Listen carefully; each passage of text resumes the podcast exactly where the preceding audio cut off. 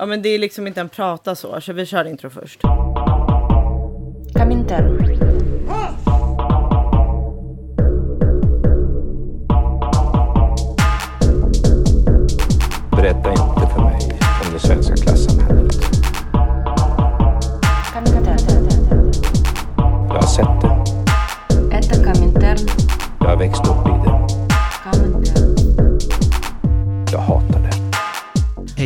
Och välkomna allihopa. Vi sitter återigen på Radiocyklopen. Och eh, med oss idag så har vi... Vill du presentera dig själv? Ja, Fanny Åström. Hej, välkommen tillbaka. Och till vänster om mig så sitter... Ja, jag har blivit ombedd att byta namn igen. Eftersom eh, lyssnarna tycker att det var, att de har börjat tr- tröttna på Gaspara. Rockkillen. Rockkillen. Du, du ser ut som en rockkillen tycker jag. Ja, jag, jag har svidat om till att bli en rockkille. Ja, vi kör rockkillen. Yes, och eh, så var det Ryan här. Eh, det var ett tag sedan, men nu ska jag spela in lite avsnitt igen, hade jag tänkt. Och idag så ska vi prata om massa saker som har med eh, psykisk ohälsa att göra. Psykisk ohälsa som det heter i det här eh, samhället vi lever i nu när vi alla mår piss. Och eh, jag tänkte lämna över ordet till dig direkt Fanny. Ja, ehm, jo men eh, jag tänkte berätta om eh, nu i morse innan jag kom hit eh, så kollade jag på SVTs eh, serie om hjärnan eh, som handlar då mycket om psykisk ohälsa.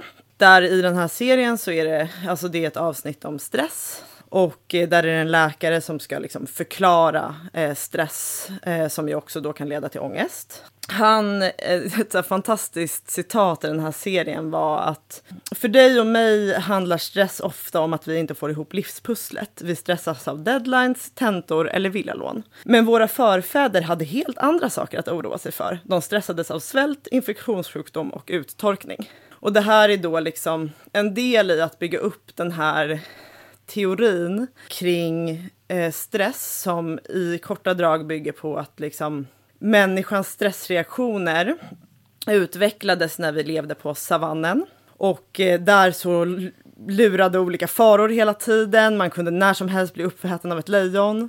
Och då var det viktigt när man blev stressad att man verkligen gick in i liksom fight or flight mode. Att man skulle liksom, hela kroppen ska stänga ner och man ska kunna springa jävligt snabbt eller slåss liksom. Och det var ju jättebra då. Men i vårt moderna samhälle så är det ju här eh, då enligt liksom den här idén en jättedålig reaktion för att vi hotas ju inte på det här sättet i vår vardag och därför går vi omkring och är stressade över ingenting. Så problemet med stress enligt den här världsbilden är att, att liksom inte att vi har saker att vara stressade över utan att den mänskliga hjärnan är så liksom dum och outvecklad och inte har hängt med i det här perfekta samhället som vi lever i nu där vi har det så bra där det inte finns några faror. Ja, men eh, han, han fortsätter liksom med att förklara då scenskräck. Han intervjuar en skådespelare med scenskräck och så förklarar han scenskräcken med att eh, ja, men det är klart att människor, när vi levde på savannen, då var det ju livsfarligt att bli illa omtyckt och utesluten av gruppen. Och det är därför vi har sån rädsla inför att prata liksom inför publik, för att vi är rädda för att bli illa omtyckta. Jag tycker bara att det är så intressant just den här idén om att så här,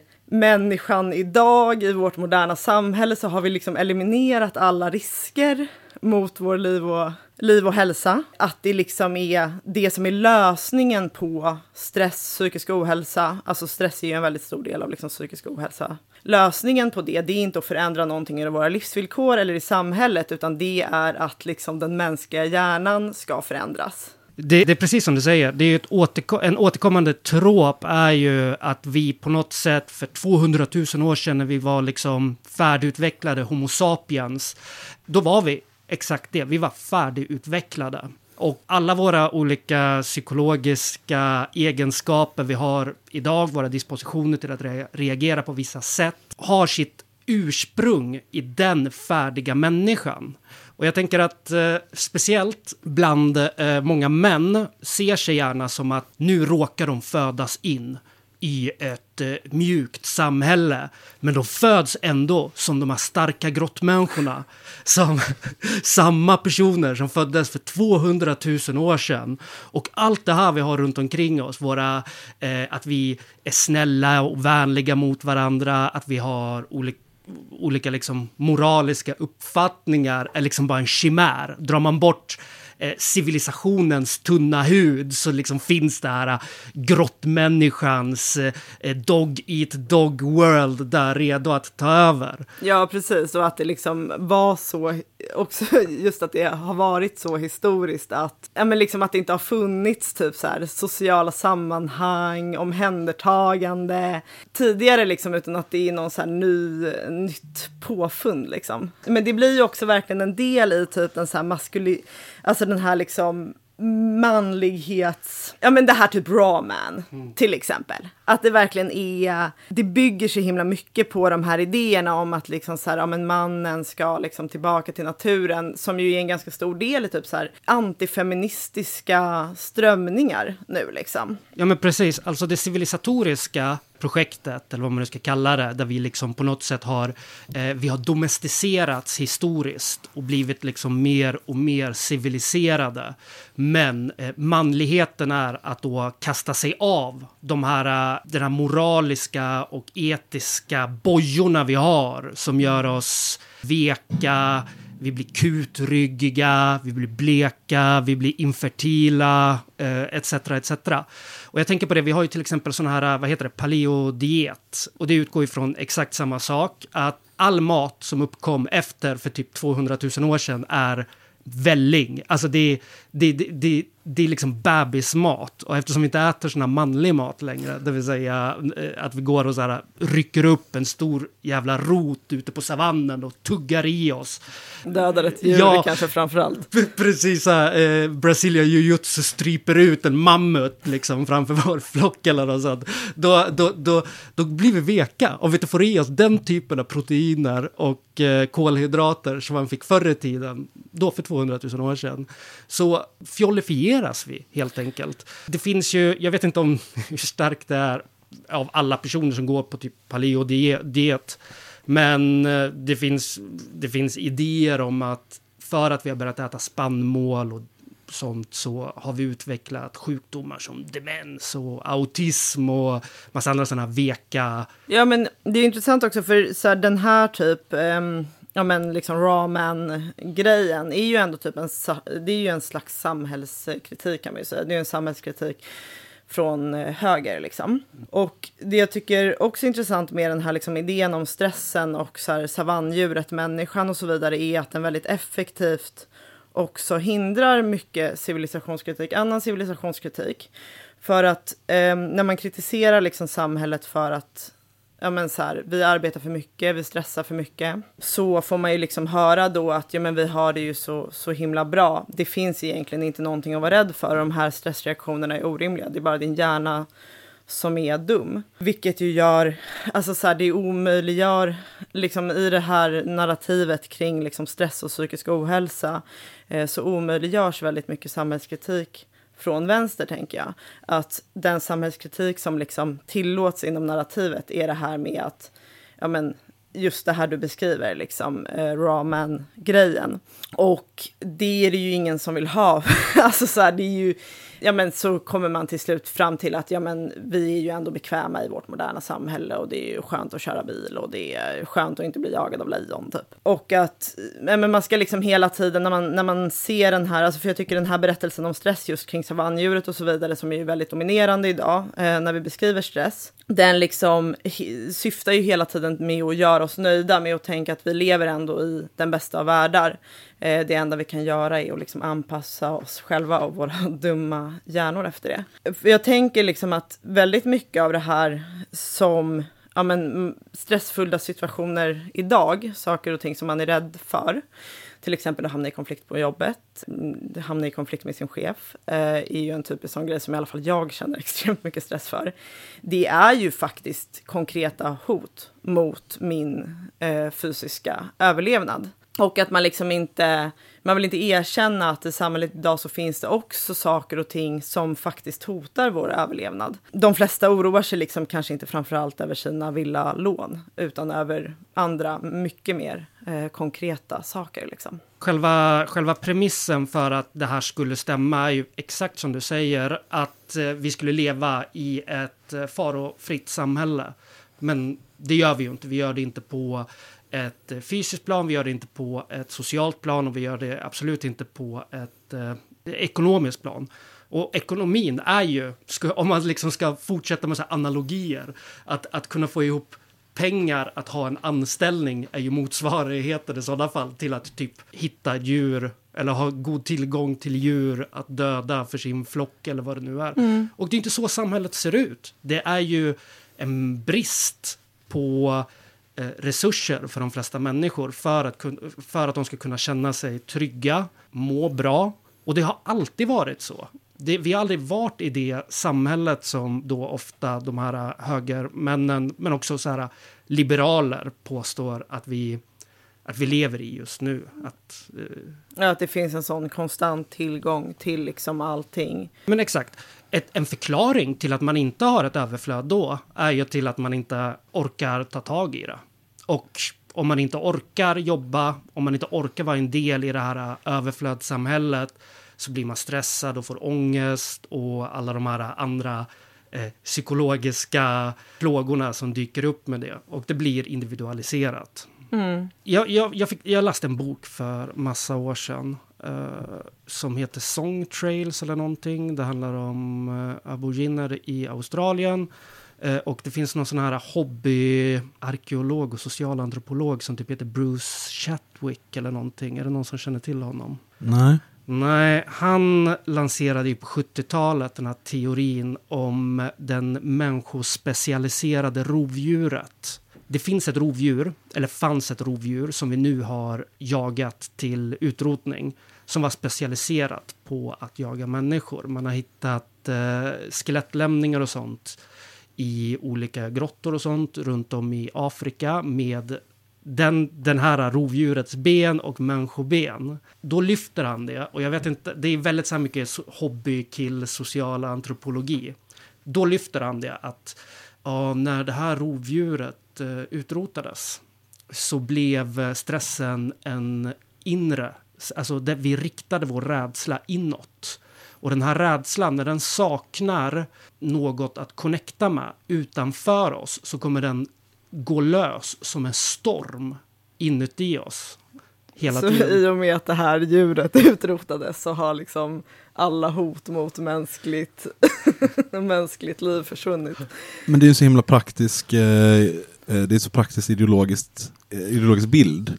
Därför att det, det, man kan ju nyttja den till så himla mycket. Det är inte konstigt att den är så djupt rotad och utbredd. Därför att dels så, så, som du säger så tror jag också 100% att det är så att det är liksom en i genren, eh, gnäll inte, du har det jävligt bra. Eh, tänk på att folk har det mycket värre, sitt still i båten och håll käft. Och om inte folk har det mycket värre idag, för det kan vi inte erkänna, så är det i alla fall människor för 200 000 år sedan som Precis. hade det mycket värre. Men det är också den perfekta ursäkten för det ständigt hotande manliga våldet. Liksom. Att man, att det är så, dels är det en makt eller så här fantasi för massa män som sitter i bilen och väntar på jobbet. Bara, jag är egentligen en jägare och egentligen skulle jag kunna döda alla här. Jag kan krossa en mammuts skalle med en sten. Typ, passa er för mig liksom. Och också sen när, när det våldet faktiskt bryter ut så, så är det ett sätt att rationalisera det för sig själv. Att vara såhär, ah, men jag är egentligen ett mycket högre stående väsen som är fångad av alla de här typ femininiserade, eh, liksom veklings, eh, civilisation, kulturgrejerna.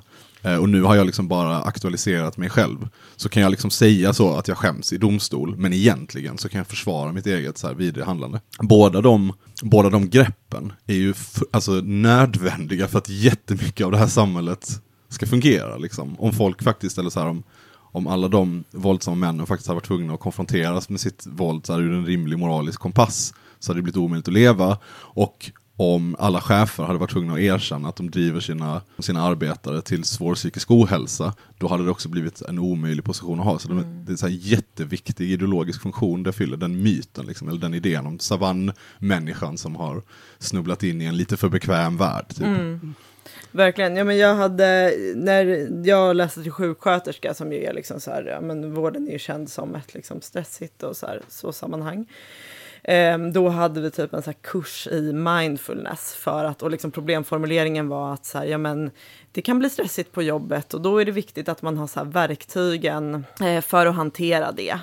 Liksom, och då skulle vi lära oss typ att meditera och ibland kan man ju till och med höra så här helt sjuka tips om att typ Eh, när man tvättar händerna så ska man liksom göra det till en så liten mindfulness-ritual. um, och att det här, alltså jag blev så jävla provocerad när vi hade den här eh, kursen i skolan, för det var ju verkligen, man bara, men vi kanske hade behövt typ ha en kurs om så här fackligt arbete. Eh, vi hade kunnat behöva ha en kurs om så här, vad är det rimligt att någon förväntar sig av mig på en arbetsplats? Eh, vad har jag för rättigheter i en situation där jag upplever att jag blir för hårt pressad?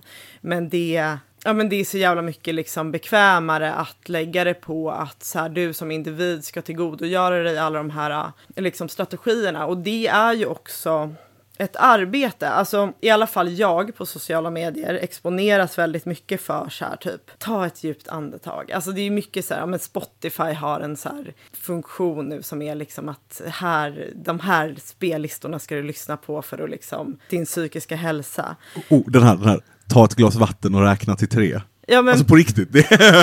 Ja exakt, ja, men alla de här liksom små tipsen som man ska liksom kunna pressa in i så här, sin vardag, sitt arbete och så vidare, som ju egentligen bara är mer, alltså det är ju egentligen bara mer arbete. Men att det liksom hela tiden framställs som en sån, typ en tjänst man gör arbetare. Jag tycker, liksom, jag tycker inte att det är konstigt att människor ägnar sig åt de här praktikerna. Jag förstår att man kan behöva göra det i ett samhälle där man är konstant stressad, men jag tycker ändå att man ska ha liksom en kritisk, kritisk blick på det, att man ser att men det här är någonting jag tvingas till för att livet är så himla dominerat av arbete och vi har ett så stort fritidsunderskott. Liksom. jag, jag kan tycka det är jättesmärtsamt när jag ser eh, eh kollegor som, som helt uppenbart är sönderrivna av stress. Liksom. Och sen så är, blir man liksom bara erbjuden på sin arbetsplats, alltså det enda, det enda utloppet man blir erbjuden är så här självkritik.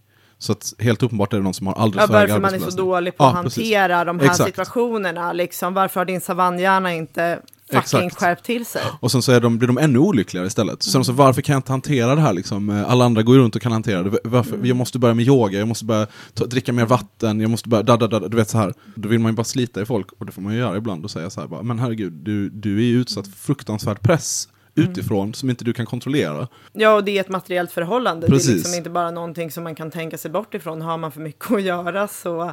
Ja. Alltså det kom, det kom ju någon så här forskningsrapport för ett tag sedan som var så här. Wow, forskare har upptäckt att anledningen till att folk känner sig stressade är för att de har för mycket att göra på jobbet.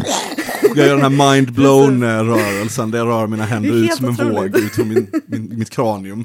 Ja, nej det är ju... Nej, men jag tänker det att både, jag vet inte med mindfulness, men KBT är ju ett otroligt potent verktyg för att på något sätt försöka falla in i de eh, krav som eh, det här samhället ställer på oss.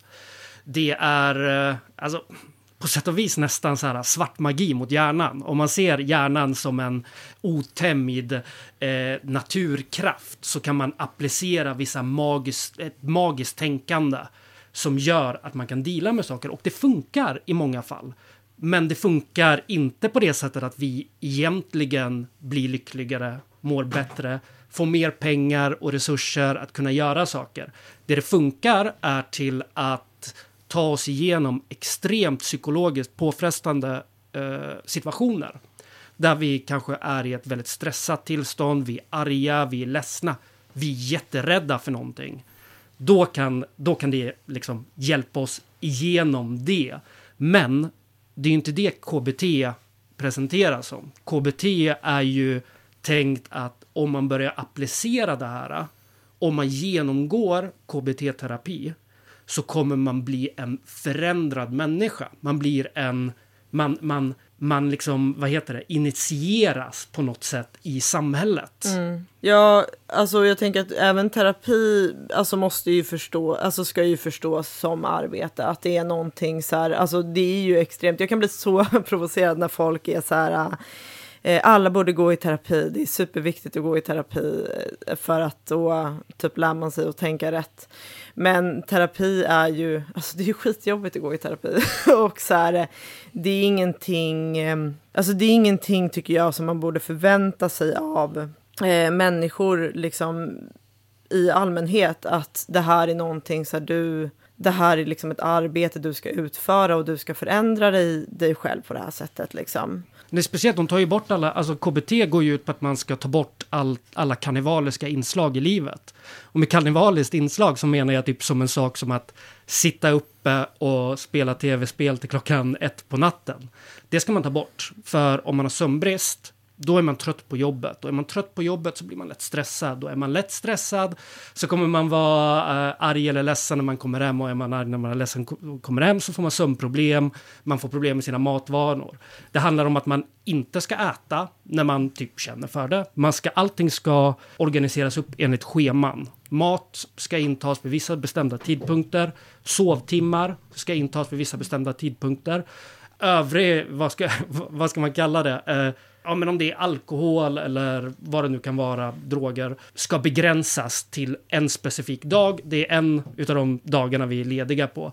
KBT handlar om att göra våra inre liv så strömlinjeformade som möjligt. Och när de är strömlinjeformade så är vi funktionella ekonomiska varelser.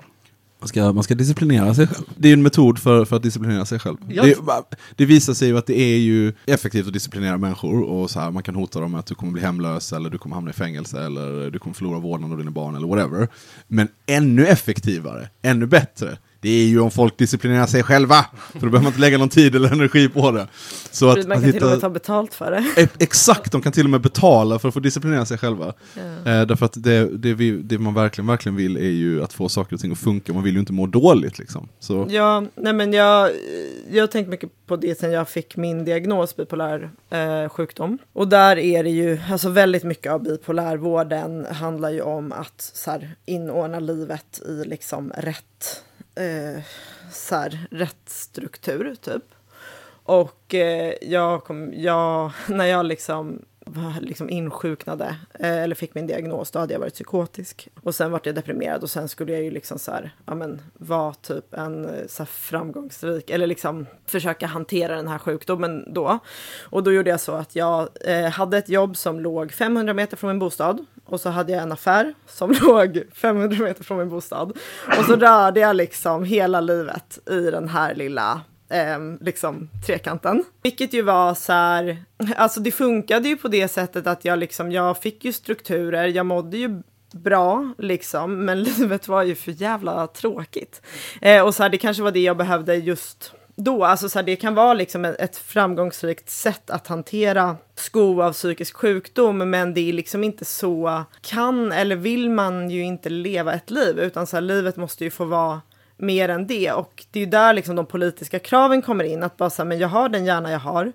Eh, jag har den sjukdom jag har. Men man måste kunna begära mer av liksom samhället. Och att livet inte bara ska vara liksom äta och sova och arbeta. Utan att det också ska liksom få innehålla de här ja, men karnevaliska inslagen då. då. Mm. men det är ju de som man liksom som typ bipolär är så himla rädd för. För att alla de kan ju leda till att man liksom hamnar i nya skov. Eh, att man mår dåligt, att man får ångest. Alltså, Nej, jag, jag, får bara, jag vill bara säga det att det, alltså om, om, eh, när jag själv mår risigt av olika anledningar, eller jag hjälper en vän som mår risigt, som mår risigt alltså det är inte så att jag har något bättre att komma med än typ Eh, ät eh, på jämn, alltså eh, vid fasta tider, häng med och träna, du vet så, försök sov, gå och lägg dig liksom i tid och så här. Liksom dra ner på alkoholen, whatever, liksom sådana saker. Det är klart, det är, de verk, det är den verktygslåda man har och, och det är som du säger, när man är mitt i en risig situation så hjälper det ju att liksom få lite ordning på det där. Men precis, också som du säger, det är ju inte liksom ett recept på att bli en hel människa eller ha ett lyckligt liv. Det är ju ett sätt att ta sig ur en knepig, tuff situation. Liksom. Precis, och när det liksom blir någonting som förväntas av, alltså för det är ju, jag- jag tycker att det är så här, talet om psykisk ohälsa så är det så himla mycket att så här, det här rör alla, det här är någonting alla måste arbeta med, det här är liksom, det är allas angelägenhet. Jag tycker att det är så himla sorgligt för att det verkligen liksom blir att alla människor förväntas ruta in livet på det här sättet. Och liksom ta bort alltså alla typ, ja men starkare känslor. Eh, exakt. Och det är liksom det absolut enklaste sättet som man inom, eh, inom psykvård kan göra.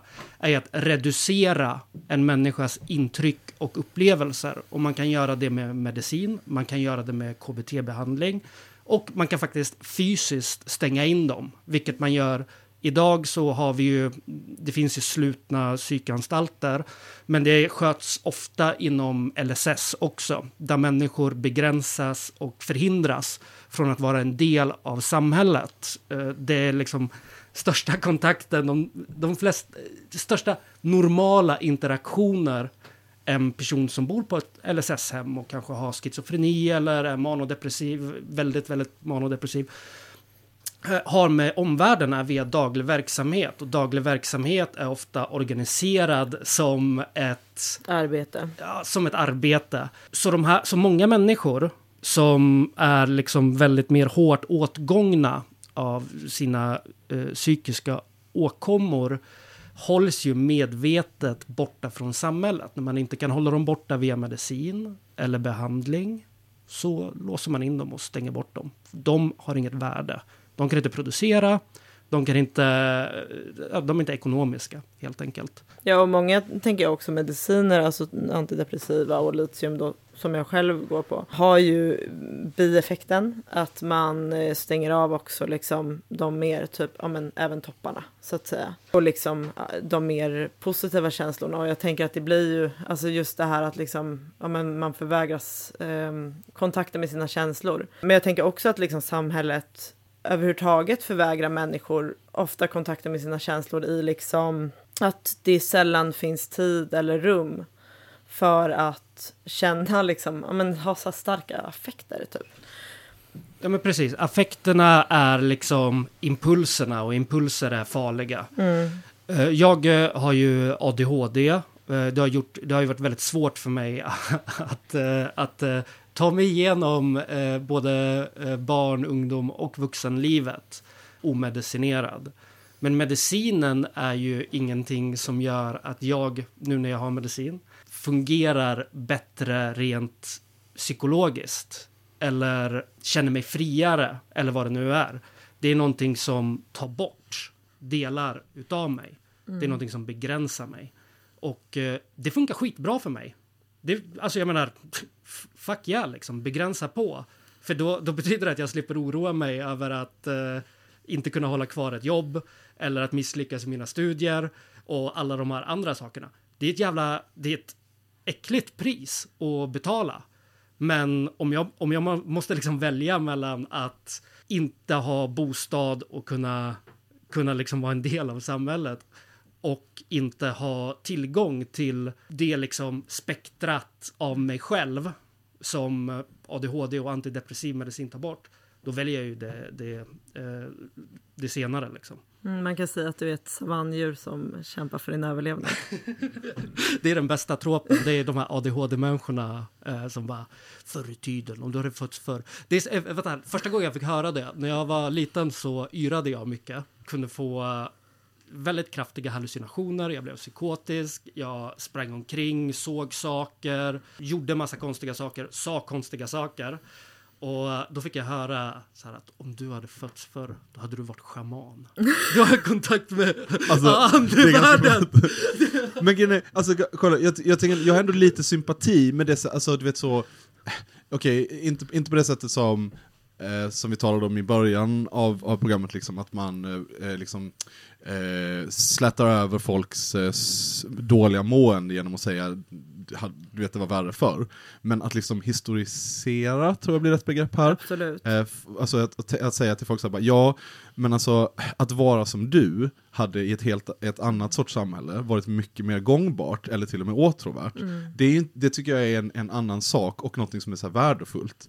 För att säga så här, folk som eh, ja, men så här, brottas med sin ADHD, var så här, ja, eh, hade, hade du växt upp på 1600-talet så hade alla de här personlighetsdragen varit sådana saker som hade gjort dig till en extremt framgångsrik person. Liksom. Ja, det är ju en det är ju- ingång i en slags samhälls, alltså, Precis. samhällskritik, tänker jag. Att det finns ju också en risk med att man liksom romantiserar så som det har sett ut tidigare. Men jag tror, alltså jag tror precis som du säger att det är viktigt att liksom eh, se att så här, vad som begärs av en människa idag inte är liksom någonting självklart. Eh, så. Nej, och att det är så dumt, alltså det är så groteskt urbota dumt att tänka sig att det finns två, alltså att mänsklighetens historia kan delas in i två block. Savannen. Savannen och eh, det industriella, postindustriella samhället. Liksom.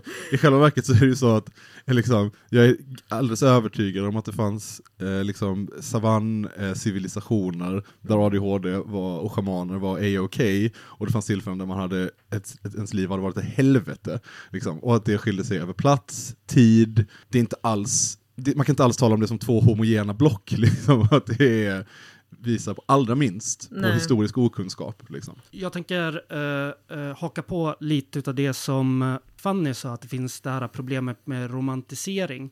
Och eh, problemet, tänker jag, är att man tänker att det finns eh, givna personlighetstyper som är ahistoriska. De transcenderar olika, olika samhällen vi lever i och de blir på något sätt applicerbara bakåt i tiden och kanske framåt i tiden, alltså beroende på hur man tänker. Och jag tycker det är svårt. Jag har inget givet svar på den här frågan, men för mig så känns många psykiska, inte alla, men många neuropsykiatriska funktionsnedsättningar inte som en del utav personen som har dem, utan precis som allt annat en del av samhället runt omkring oss.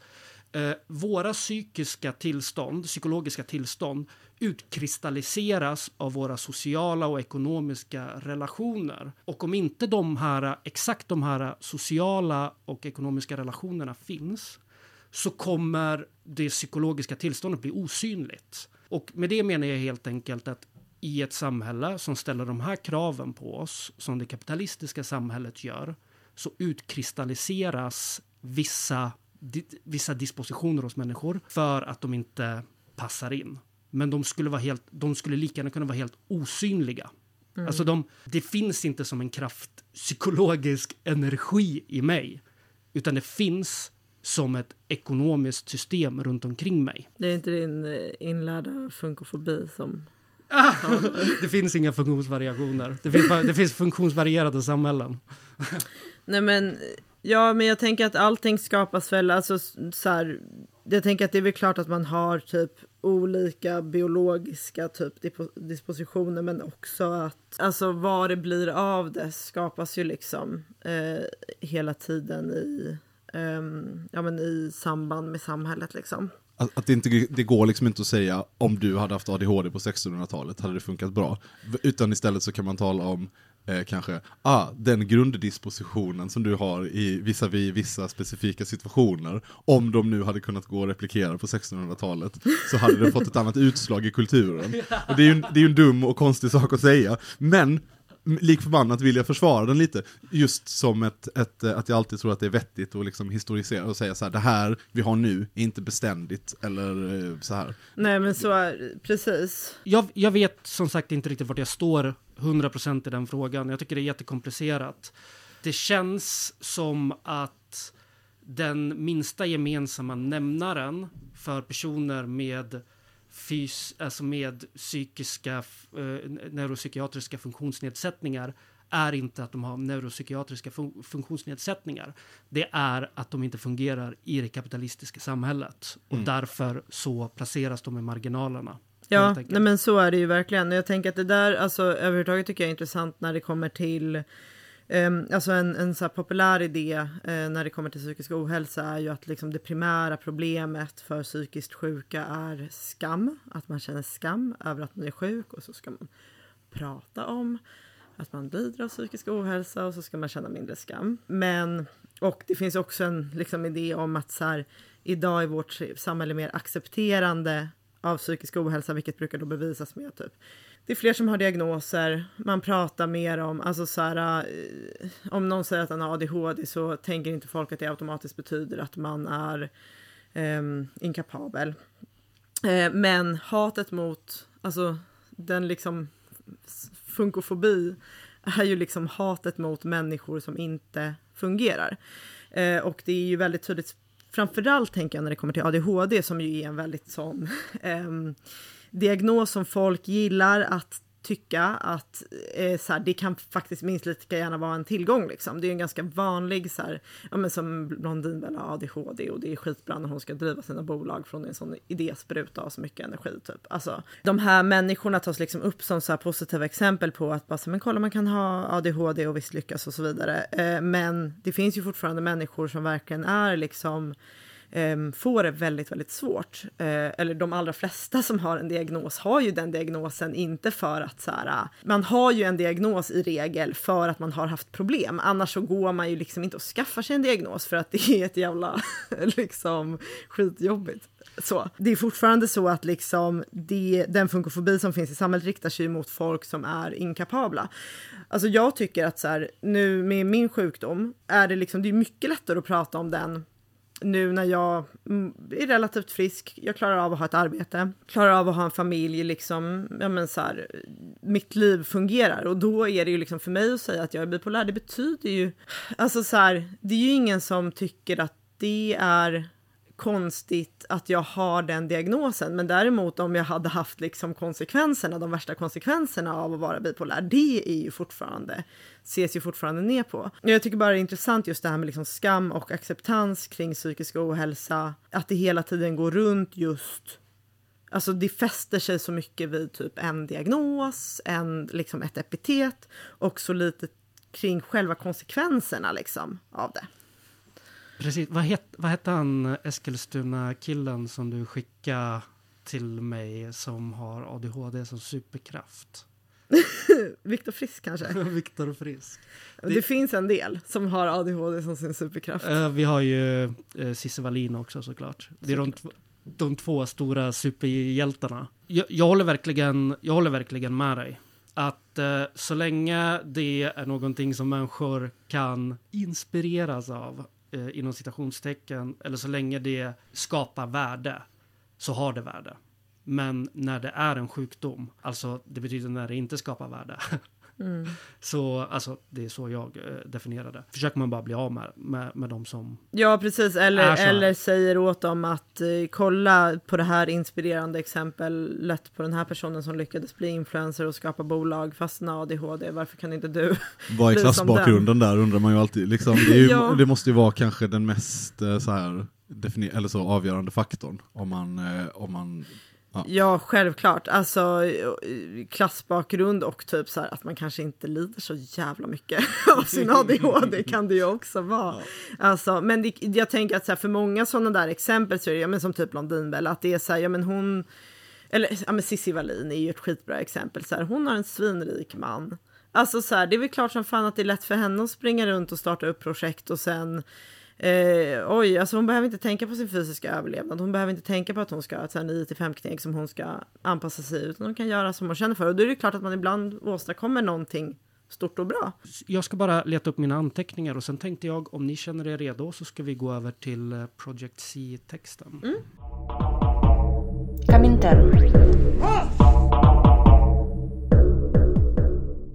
Vi har ju läst... Och så börjar man skriva med min Satsuma. I luften av vrede. Jag satt och så ångestskalade din Satsuma också. Men jag, jag, alltid, jag är väldigt noga med min, eh, med min eh, citrusfrukt. Den ska vara väldigt väl friserad.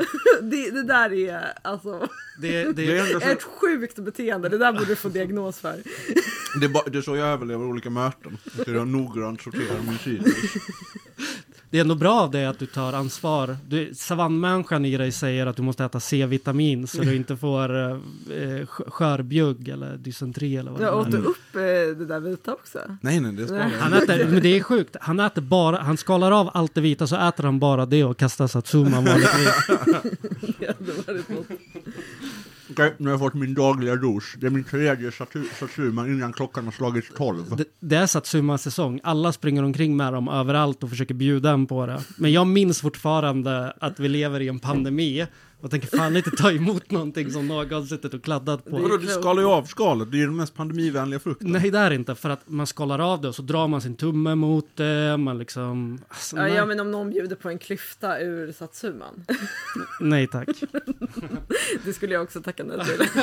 Ni får ingen av mina satsuma-klyftor kan jag säga. där. Yes, men vi tänkte gå över nu. Vi fortsätter på samma tema och det finns ju en text som skrevs för ett par år sedan utav Plan C från England. Som är det öknamnet Plan PhD. För att de är, anses vara akademiska och, och lite förnäma. Ja, men jag kände det när jag läste den här texten. Den var helt i min smak. Den är väldigt akademisk. Olika råa hamnkommunister i Hamburg tycker att de är, tycker inte de är så mycket att ha. Plan C, han skriver texten, We are all very anxious. Det är en, för att sammanfatta det, idén om att vi i olika delar av kapitalismen, från kapitalismens eh, födelse fram till idag, så finns det beroende på hur våra arbeten organiseras och hur resurserna fördelas i samhället så kommer det finnas olika dominanta affekter. Och en sån här affekt menar de då att i tidiga kapitalismen där det arbetet var organiserat kring 16 timmars dagar och människor saknade de livsnödvändiga resurser eh, för att överleva så var den dominanta affekten misär. Människor, alla människor eh, eller arbetare upplevde en konstant misär för att man hela tiden var på gränsen till svält eller död. Och att för på min för, för att arbetet i sig var otroligt våldsamt. Att stå på en fabrik tätt ihoppackade med andra. Att eh, jobba nere i en kolgruva som, tillsammans med sina barn. Eller eh, på ett, eh, eh, i en kvarn. Förlora armar och sånt, fastna i hjul. Arbetarklassen organiserar sig och eh, lyfter det, vad ska man kalla det för, golvet för sin Ja, sin levnadsstandard ja, lyfter sin levnadsstandard så kommer också den dominanta affekten förändras. Till ren och skär glädje. Eh, först, den andra dominanta affekten inom kapitalismen menar de är tristess. Fordismen, hur man särade på arbetarna. Varje person arbetade enskilt. Man hade kortare arbetsdagar, men hela livet kretsade fortfarande kring arbetet. Människor hade levde i liksom någon slags form av välfärdssamhälle. Man hade pengar, man hade jobb, man kunde köpa bostad. Men det fanns inga som helst kannibaliska inslag i livet. Utan allting kretsade kring att jobba tills man dör helt enkelt. Och de menar då att under 60-70-talet så de protester, den sexuella revolutionen, alla de här inslagen helt enkelt övervann, besegrade tristessen. Och idag så lever vi då med ångest som den dominanta affekten. Och det är en, eh, ett resultat utav det otroligt atomiserade samhället vi lever i. Alla människor existerar extremt separerade från varandra. Och även i arbetet, arbetsformen, eh, så är det prekärt. Man har inte kollegor. Man jobbar för ett bemanningsföretag eller ett gigföretag. Och träffar knappt någon annan människa som man kan... Och om man träffar andra människor så vet man att de kommer bytas ut snabbt. Antingen för att man själv byter jobb eller för att de byter jobb. Exakt. Vidare menar de då att eh, vi som arbetare aldrig kommer kunna eh, besegra den här affekten förrän vi skapar de strategier och metoder som är specifika för den här affekten. Men jag eh, tänkte höra vad du har också läst den Fanny. Jag vet att du läste den för tusen år sedan, Gaspar. Rockkillen. Rockkillen. Ja. Men det är kanske inte jag som ska börja då. Ehm, jag tyckte det var intressant eh, det här med tristess, typ hur kapitalismen idag har liksom annekterat tristessen och erbjuder oss liksom lösningar på tristessen. Alltså att man är så dränkt av underhållning hela tiden. Eh, och det här tycker jag också kan alltså, skapa en nästan... Alltså det skapar ju en egen slags tristess. Man är alltid underhållen, men liksom lider kanske av en brist på meningsfulla, ja men så här, på, meningsfull, på meningsfulla intryck helt enkelt. Ehm, och att också i stor utsträckning, typ, jag tänker mig så här, sociala medier och sånt, att det är liksom hela, alltså nu, jag ska inte vara så här teknikfientlig, jag tycker att det är fantastiskt eh, med internet etc. Men det är ju uppenbart att så här, ehm, företag och kapitalintressen lägger beslag på extremt mycket. Alltså jag tänker bara typ för 15 år sedan när jag började blogga. Eh, det var liksom det var ju så jävla fett. Alltså typ man diskuterade med varandra, man liksom, alltså internet var fortfarande typ så här relativt fritt rum eh, som möjliggjorde olika former av utbyten. Men nu upplever jag snarare att det är så att eh, det här rummet omöjliggör många utbyten just eftersom att man blir så ja, men så här, man kollar i skärmen istället för att prata med folk. Alltså kräver hela den här ständiga uppdateringen och ständiga underhållningen och det gör att liksom utbytet med andra människor försvinner och det är liksom en nästan, alltså det är också en form av tristess där man också utestängs från sina egna sätt att underhålla sig själv för att man är så liksom inne i hela den här eh, kravet på ständig underhållning liksom. Jag, jag, det där, det blir så, du, jag, jag kände igen mig så himla starkt när du talade nu precis, eller så här, jag, kände, jag kände direkt hur det, hur det slog an till min vardag väldigt starkt. För det slår mig att eh, om man tittar till exempel på en, på en stream, någon som sitter och spelar någonting eller pratar om någonting. Då har man, eh, jag kommer inte ihåg exakt vad begreppet är, men det finns ett bra begrepp, så parasocial relation till den personen. Du vet, man inte riktigt, man kan interagera men man kan inte riktigt interagera liksom. Och då sitter man också och ser man underhållen, man har inte tråkigt, tre timmar kommer försvinna så, Mm. sen är det läggdags liksom tillbaka till arbetet. Men det finns ju en malande oro för att du vet, man kan inte riktigt... Man får inte riktigt ut, man, det, är ju inte, det är ju inte näring till själen. Nej, exakt, exakt. Och, och, och, och då är det väl kanske, och det är väl en känsla som är, om inte direkt ångest, så i alla fall besläktad. Den sitter i samma, sitter i samma släktträd på något sätt, eller så här känslomässigt. Ja, att det finns den här absolut. malande, du vet det kryper lite i kroppen och man känner sig inte riktigt tillfredsställd och man kan inte komma ihåg vad man gjorde igår för det gav ingenting. Och det det är ju perfekt, det är ju liksom en, alltså så här, i kapitalismen är det ju en perfekt underhållning just för att den liksom inte, så här, den skapar inte så starka känslomässiga band till någonting, att det är någonting vi liksom är beredda att slåss för. Alltså så här, den, och det är ju, alltså ger oss tillräckligt mycket rekreation för att vi ändå ska kunna arbeta. Eh, så. För, för naturligtvis så, så eh, var man en svar på det, så här, oj nu, det här känns inte så bra, det känns inte som jag har så meningsfull fritid just nu. Det, blir, det är ju alltid att man skambelägger sig själv. Bara så här, Aha, men varför gör du inte någonting? Varför, varför lär du inte skata eller hoppa fallskärm eller gå på en keramikkurs? Och sen är man så här, nej just det, jag jobbar nio timmar om dagen, jag är svintrött när jag kommer hem, jag orkar inte mer än lägga in panerad fisk i ugnen, typ. det är vad jag pallar och sen sätter jag mig framför datorn. Så det, det är, man hamnar i exakt den fällan liksom, av att vara så här, ah, men hade jag varit lite mer namaste så kanske jag hade pallat eh, du vet, Göra aktualisera någonting riktiga av relationer. de få timmar. Så är det mitt fel att jag sitter och. Mm. ja, typ sitter framför dumburken. Liksom. Fast det är inte riktigt tristess, utan det är snarare den här ångesten. Den här typen, eh, den här typen av uh, umgänge som vi har virtuellt är ju inte bara ett resultat utav eh, att vi har tekniken att göra det, utan det är också ett resultat utav att det direkta umgänget som vi är vana vid att ha, eller våra föräldrar är vana vid att ha, långsamt eh, nedmonterats. Det har allt ifrån innerstadslivet att göra, allting görs om till kontor, till bostadsrätter, fritidsgårdar stängs, ja, espresso house. Alla offentliga utrymmen som man egentligen ska kunna sitta och umgås på är privatiserade.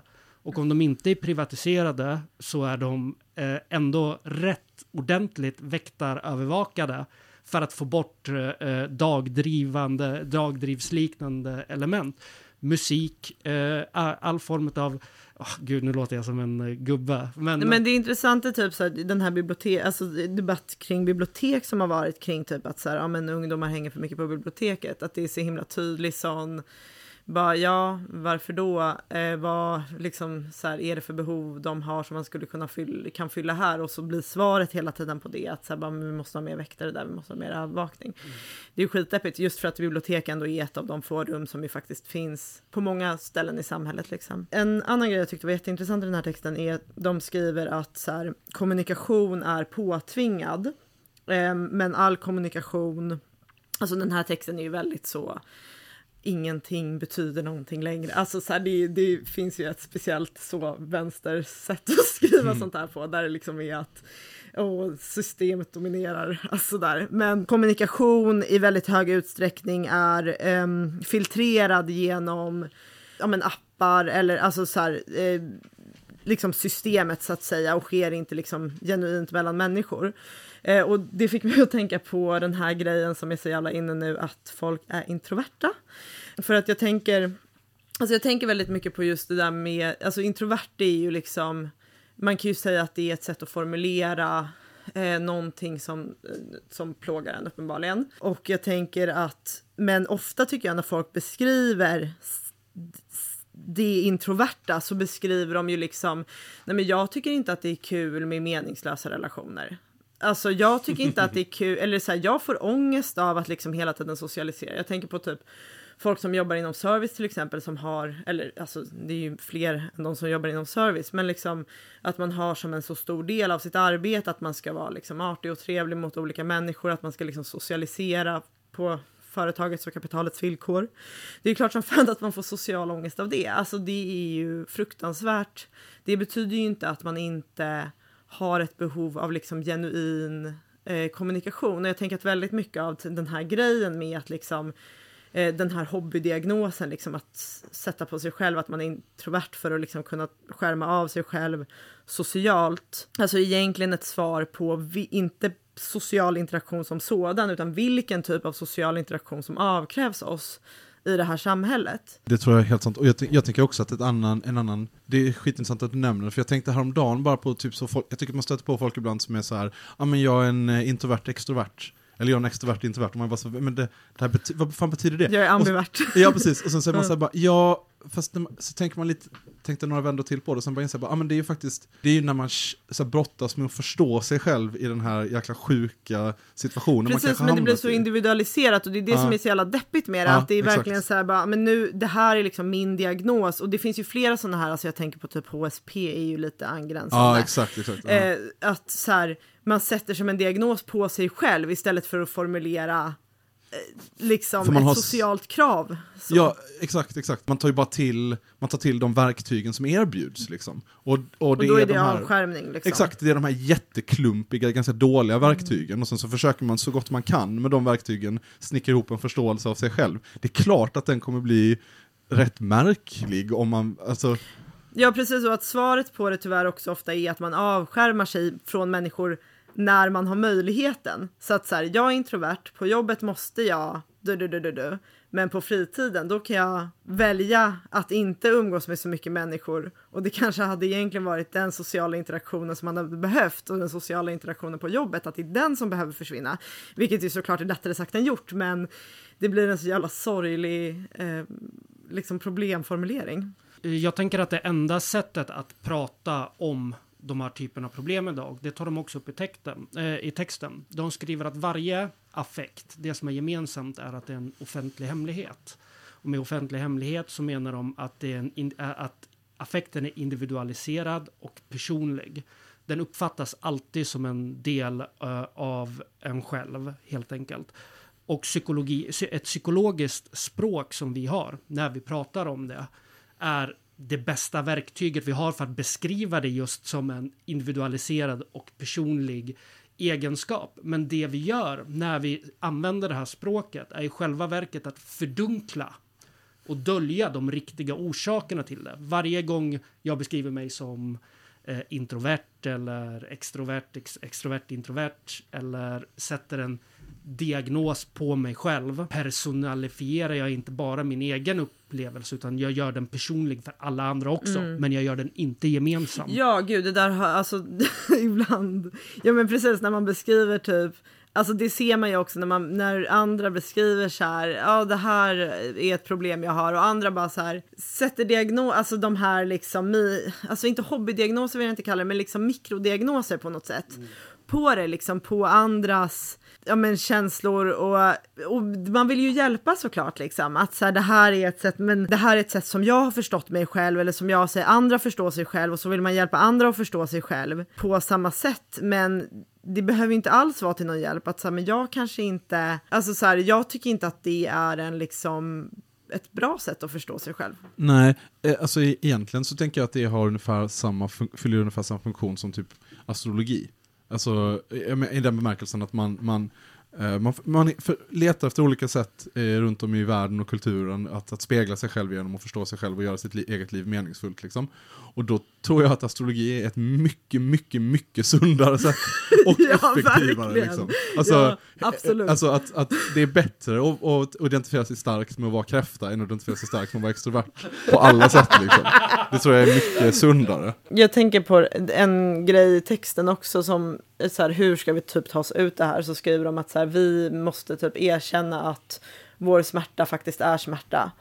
Eh, och att det vi ser och känner är på riktigt och att eh, våra problem inte bara är personliga.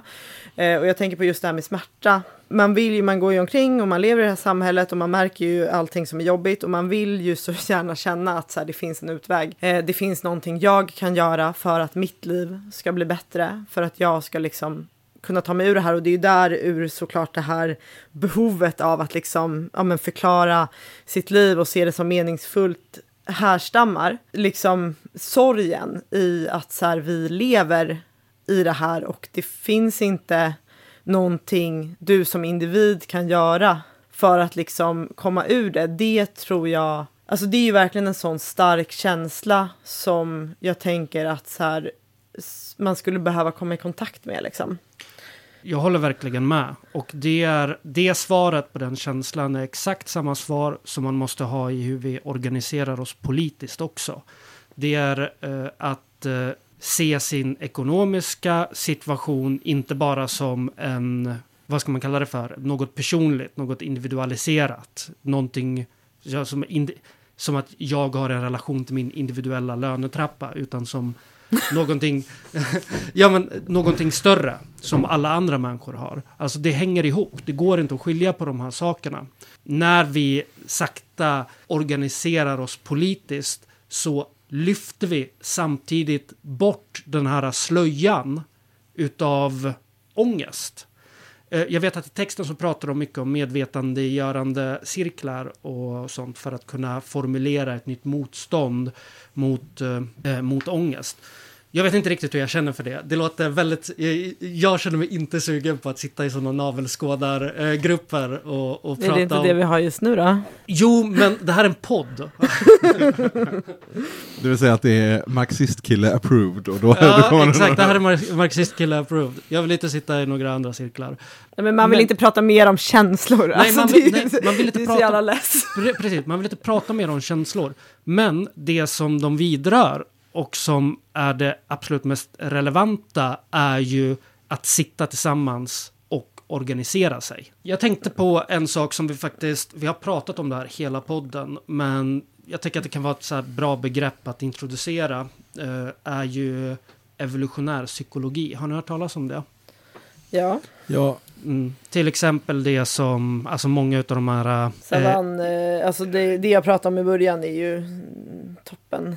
Precis. Prime, evolutionär psykologi. Det, och det har liksom allt med de här äh, grundläggande eller arketypiska känslorna vi har att göra till alla omedvetna saker vi gör i vardagen. Till exempel som Jordan Peterson säger att eh, evolutionär biologiskt så vill tjejer göra sig snygga för killar och har man klackskor på sig så skjuts liksom höften framåt och det reagerar killar på då som en slags parningssignal.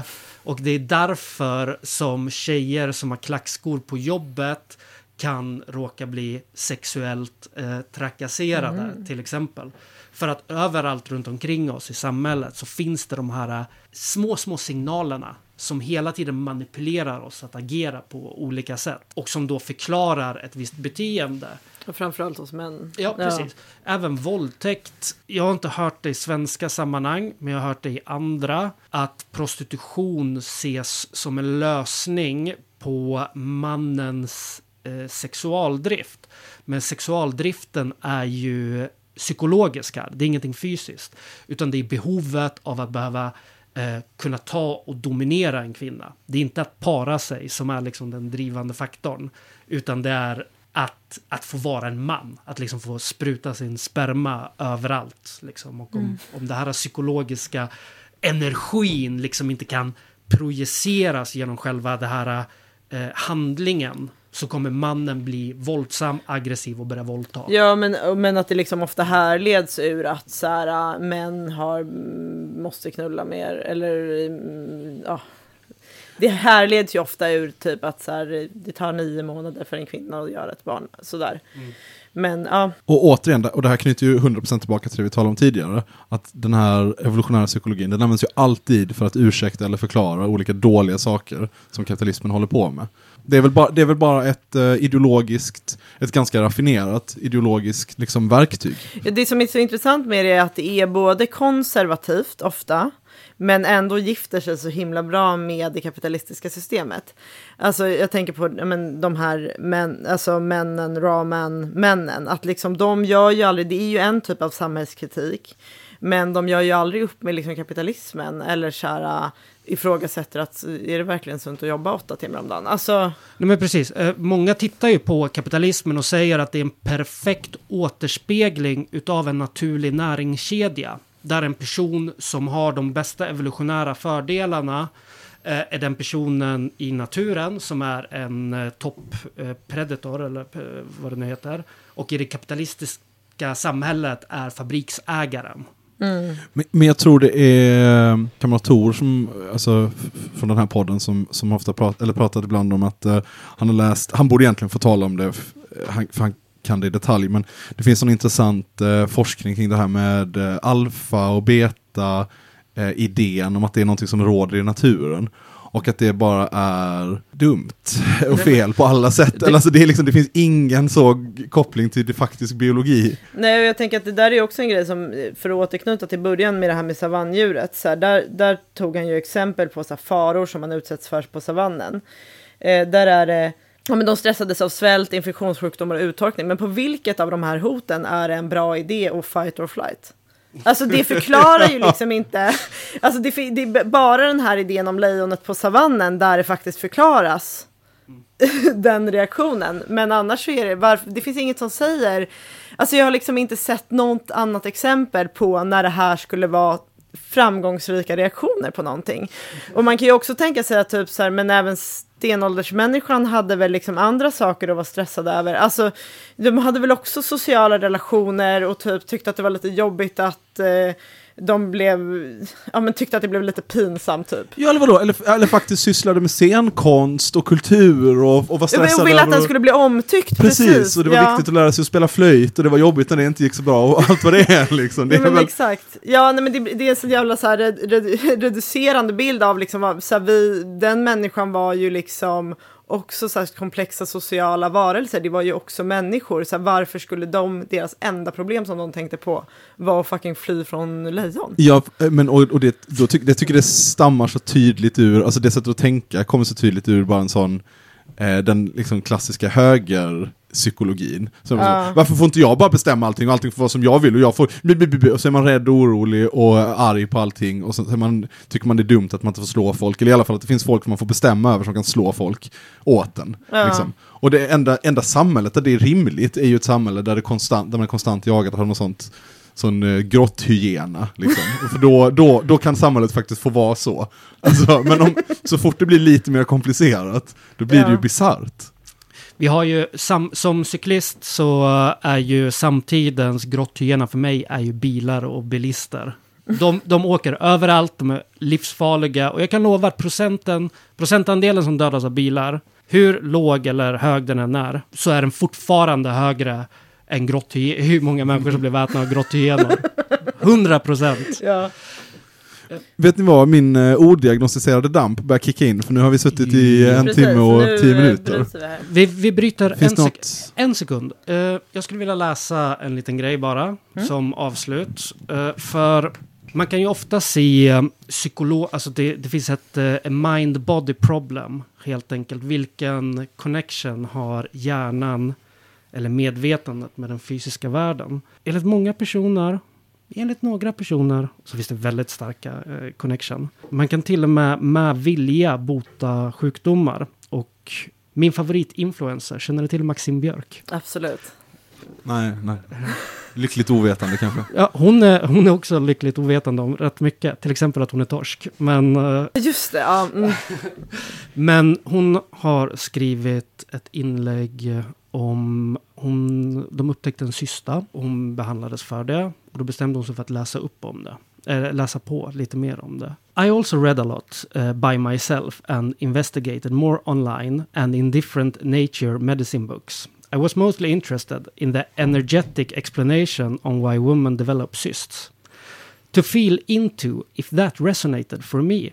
And I got quite many people sharing similar advice to me, so I thought it would be helpful to share it here with all of you, especially since there were so many women sharing to me that they are suffering for this problem without getting better. Tips from a shaman working with sacred femininity. Cysts in general is usually a block of energy that d- didn't have the chance to be released. That you are holding yourself back with something, not living out fully, or not allowing yourself to live in your full potential.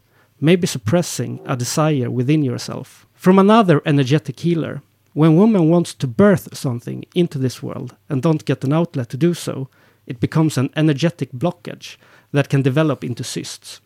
It doesn't have to be a baby. It could be about ideas or projects that doesn't get the chance to blossom. So they energetically get stuck on the way in our female organs. For me, I resonated with this. Wow, det är verkligen den kvinnliga motsvarigheten till Raw Man. Alltså hon skulle kunna hålla sådana kurser med Paolo Roberto. Och resonera med varandra. Precis, de är så separerade män och kvinnor i början och sen kan de ligga för kvällen. Fan verkligen. Den eh, implikationen också att hon skulle ju i teorin kunna bota cancer med det här. Om alla kvinnor bara fick starta Ja, men det är verkligen, man är projekt. inte bara ansvarig för sin psykiska ohälsa utan man är fan ansvarig för sin cancer också om man mår dåligt. Ja, Usch. mörkt. Bra avslut. Jag vill tacka dig Fanny för att du kom hit. Tack, tack. Jättetrevligt som vanligt. Det var toppen. Och eh, det här var kommentaren. Vi vill eh, såklart också tacka Cyklopen för att vi får sitta här och eh, låna deras studio. Och GRK för intro. Eh, so long. Tjingeling.